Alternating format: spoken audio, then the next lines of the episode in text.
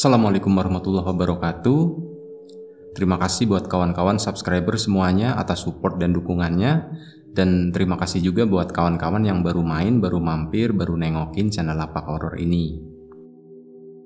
Ada satu cerita yang mau gue share uh, kali ini dan ini kejadiannya pas gue masih kecil, itu umuran SD lah. Kalau di daerah gue dulu yang namanya Sendekala, itu dipercaya di situ tuh banyak uh, jin atau setan atau hantu gitu tuh banyak berkeliaran ya. Sendekala itu tuh waktu menjelang maghrib. Jadi pas hari mulai gelap gitu dipercaya kalau yang namanya anak kecil tuh harus masuk rumah nggak boleh main di luar. Nah dulu gue pernah punya temen bukan pernah sih nyampe sekarang juga masih temenan itu namanya Abdul.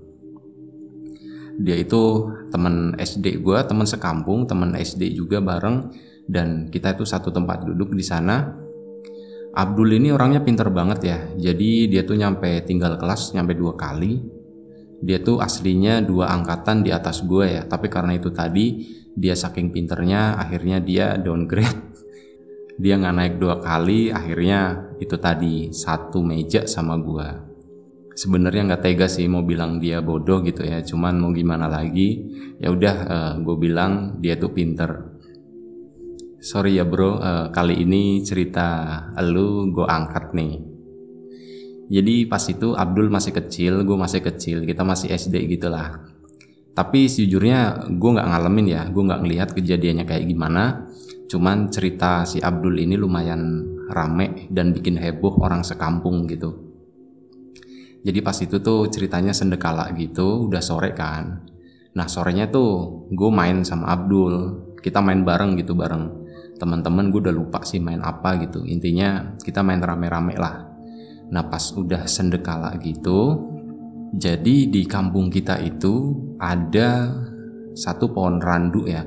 Itu di belakang rumah tua. Nah rumah tua itu tuh rumah pertama yang dibangun di kampung gue rumah maksudnya rumah pertama itu rumah dengan bangunan permanen ya dengan bata gitu itu rumah pertama. Dan di belakang rumah itu di belakang samping sebelah kanan itu tuh ada sumur sumur lama ya yang e, lubangnya tuh lumayan besar ada kali 2 meter diameternya itu. Kalau sumur-sumur yang sekarang-sekarang kan kecil kan paling satu meter lebih lah. Nah ini tuh yang gedenya nyampe 2 meter Nah, di samping sumur itu tuh ada pohon randu, randu kapuk ya, yang batangnya itu banyak durinya. Dan pohon itu tuh agak aneh sebenarnya. Jadi pohon itu tuh udah berpuluh-puluh tahun. Mungkin pas gue kecil itu udah 30 atau 40 tahun usianya ya. Tapi tingginya tuh segitu-gitu aja, sekitar 4 meter. Cuman batangnya aja yang nambah gede, nambah gede. Pas itu tuh mungkin diameternya tuh lebih dari satu meter ya. Kalau dipeluk sama orang dewasa tuh nggak muat. Tapi itu tadi itu jadi pohon randu yang bantet yang nggak tinggi banget cuman 4 meter doang gitu. Dan di pohon randu itu katanya terkenalnya angker ada penunggunya di sana. Apalagi itu kan pas di samping sumur gitu kan ya udah makin angker deh makin dipercaya sama orang kalau di situ tuh ada penunggunya. Nah, balik lagi ke cerita Abdul itu. Jadi pas sore itu, sendekala itu, Abdul tuh habis main sama kita. Dia tuh lagi jalan pulang dan ngelewatin pohon randu itu. Ngelewatin jalan sebenarnya itu jalan, itu ada lorong gitu. Dan dari jalan itu, itu kelihatan si pohon randunya itu. Nah, Nah si Abdul itu ngelihat ke arah pohon randu dan dia itu ngelihat ada ibunya itu lagi jalan ke arah itu pohon itu. Ibunya tuh pakai kerudung gitu kan. Gue nggak tahu lah pokoknya dia tuh ngira itu ibunya. Dipanggil lah si ibunya itu mak mak gitu. Dia manggilnya mak ya. Panggillah mak mak. Nah si Abdulnya ikut ikut dia dikirain emaknya. Katanya sih si Abdul digandeng gitu tapi dia nggak nyadar ya jadi ada warga situ ada tetangga gitu itu yang ngelihat kalau si Abdul itu lagi digandeng sama sosok yang dikirain emaknya itu dan dia masuk ke randu, ke pohon randu itu. Otomatis uh, warga tetangganya itu ngasih tahu yang lain kan, ngasih tahu ke orang tuanya Abdul kalau tadi si Abdul itu uh, ada yang ngebawa ke pohon randu, tapi sebelum itu nanya dulu si tetangganya itu Abdul udah pulang belum? Dan ternyata emang belum pulang. Nah udah habis itu bapak sama emaknya kan jadi shock gitu kan. Wah jangan-jangan dia dibawa sama jurik nih sama dedemit gitu sama kalong wewe ya kalau di daerah gua pas itu nyebutnya. Yang biasa munculnya pas sendekala kayak gitu marip-marip gitu itu disebutnya kalong wewe yang suka bawain anak kecil gitu. Udah akhirnya disusul lah si Abdul itu ke randu itu ya dan akhirnya tetangga kan juga pada ngumpul ramean gitu. Cuman pas itu gue sendiri gue nggak ngeliat kejadiannya karena itu tadi masih kecil gue nggak boleh keluar kan. Pokoknya dilarang keras lah kalau misal udah sendekala gitu keluar. Boleh keluar nanti habis maghrib. Nah udah ngumpul di sana dicariin gitu kan di pohon randu itu itu nggak ada. Dan sempet dicariin ke sumur juga ke dalamnya. Di situ juga nggak ada gitu. Udah makin panik orang tuanya. Akhirnya ini ada satu mbah gitulah mbah dukun lah ya. Bukan ustadz uh, dia itu mungkin lebih ke kejawen gitulah. Itu ke situ dan kemudian dilakukan penerawangan gitu. Gue nggak tahu prosesi detailnya seperti apa. Intinya dibilangnya sih di terawang gitu terus uh, akhirnya ketemulah satu jawaban. Uh, kita penduduk itu disuruh nyari si Abdul itu di ada pohon jati udah mati gitu tapi dia masih berdiri. Intinya kayak gitu petunjuknya tuh kayak gitu ada pohon jati mati masih berdiri gitu. Nah di situ katanya ada pohon bambu. Nah coba cari di pohon bambu itu uh, warga jadi mikirkan wah di mana ya? Oh iya ternyata emang bener ada satu spot itu di kebun dan kebetulan posisi pohon jati yang udah mati itu itu lokasinya deket sama kebun punyanya kakek ya kakek gua itu yang dalam cerita ini uh, yang muti yang teman kecil judulnya itu kan gue cerita tentang kebun gitu kan. Nah itu tuh di pojokan sebelah kiri kurang lebih sekitar 10 meter dari situlah. Nah di situ ada pohon jati itu. Akhirnya warga rame-rame menuju ke sana buat ngecek buat nyari apakah si Abdul ada di sana atau enggak gitu. Dan bener juga nggak pakai lama si Abdul itu ditemukan lagi tidur dia tidur di dalam pohon bambu. Pohon bambunya tuh nggak banyak ya. Dapurnya itu paling isinya sekitar baru 20 batang lah segitu. Dia tuh lagi tidur di situ. Posisinya tuh lagi telungkup lagi tiduran aja. Akhirnya dibangunin kan dul dul dul gitu. Nah si Abdulnya bangun gitu, tapi pas bangun si Abdul tuh agak bengong gitu. Gimana ya, kayak orang linglung pas ditanya tuh diem aja nggak jawab apa-apa. Akhirnya udah dibopong kan, diangkat sama bapaknya, dibawa pulang. Sambil itu tadi pas sudah nyampe rumah itu kayak di ruat lah, kayak didoain lagi gitu sama si mbah yang tadi sampai akhirnya pas udah jam delapanan nah pas itu gue posisinya udah di sana karena udah lewat maghrib kan. Jadi gue udah boleh keluar karena rame. Jadi gue ikut nonton di situ didoain segala macem. Akhirnya Abdulnya tuh alhamdulillah itu kembali normal. Dia udah bisa ngerespon ya ditanyain.